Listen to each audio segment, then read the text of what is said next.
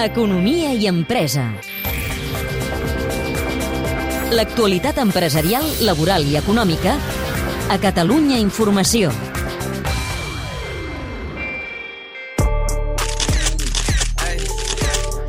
Una manera de guanyar-se la vida o simple postureig. Les selfies formen part del llenguatge habitual d'Instagramers, TikTokers i tot tipus d'usuaris de xarxes socials. Aprofitant aquesta febre i desafiant la pandèmia, quatre emprenedors catalans han obert a Barcelona The7 Lab, un espai amb diferents decorats on l'objectiu és fer-se fotos i desfermar la creativitat. Hi ha 20 espais per jugar, experimentar i intentar anar més enllà dels clàssics morrets.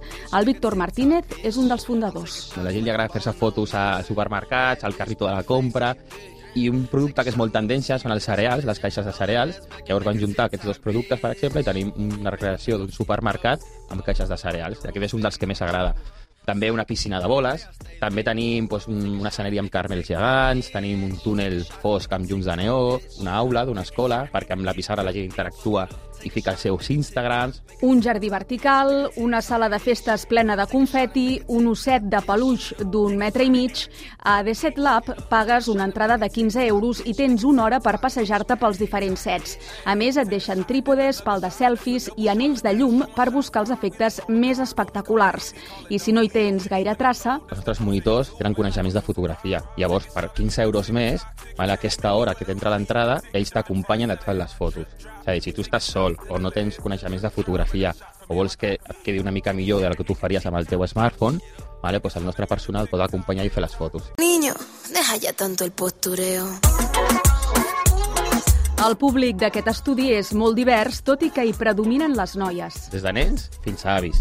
De fet, avui ve una, una dona de 80 anys que és tiktoker, que té 5 milions de seguidors, o sigui, imagina't al final pues, el ventall no, de gent, però sí que és veritat que el 70-75% dels, dels nostres clients són joves entre 15 i 30 anys, i sobretot noies.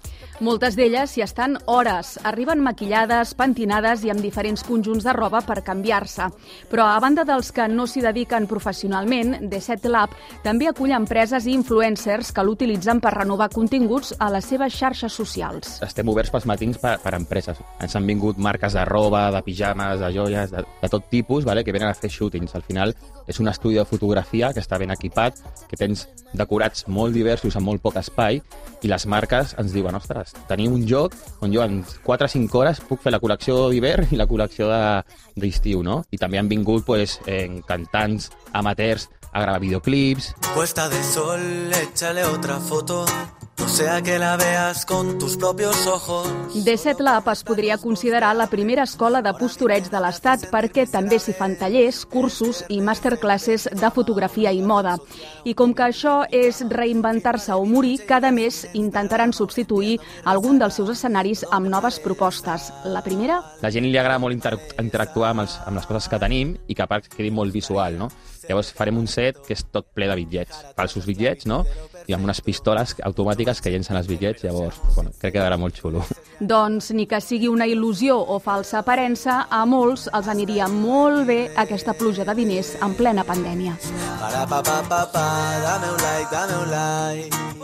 Quiero ser guay, quiero ser guay. És un reportatge de Laia Ortega amb el suport tècnic de Jordi Galbany. El teniu disponible al podcast de l'Economia i Empresa. Para pa pa pa pa pa